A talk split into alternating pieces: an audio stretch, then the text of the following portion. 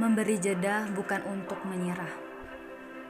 Sejatinya, kita adalah seorang pejuang dan pahlawan untuk diri kita sendiri. Begitu banyak hal yang coba kita perjuangkan. Begitu banyak hal yang sudah kita korbankan.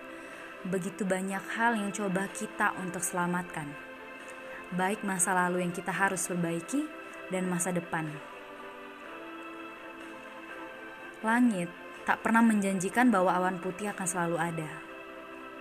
Awan hitam pun juga belum berarti akan hujan setelahnya. Malam pun tak pernah menjanjikan kepada kita bintang akan selalu ada. Begitupun dengan bulan. Terkadang ada beberapa hal yang tidak kita ketahui dan seharusnya tidak kita ketahui. Ada beberapa hal yang tidak sesuai dengan nalar kita lagi tapi ada juga hal yang membuat kita mengerti tanpa harus dijelaskan. Ada juga diberikan penjelasan namun masih saja enggan untuk mengerti. Untuk apa saja yang telah kita lalui, kita butuh sebuah jeda dalam sebuah kehidupan dan perjalanan kehidupan. Entahlah bagaimana teman-teman mengatakan tentang kehidupan ini. Tapi yang jelas, kita butuh menarik diri dari hal-hal yang rumit dari kepala. Kita tarik sedikit demi sedikit benang kusut yang ada di kepala.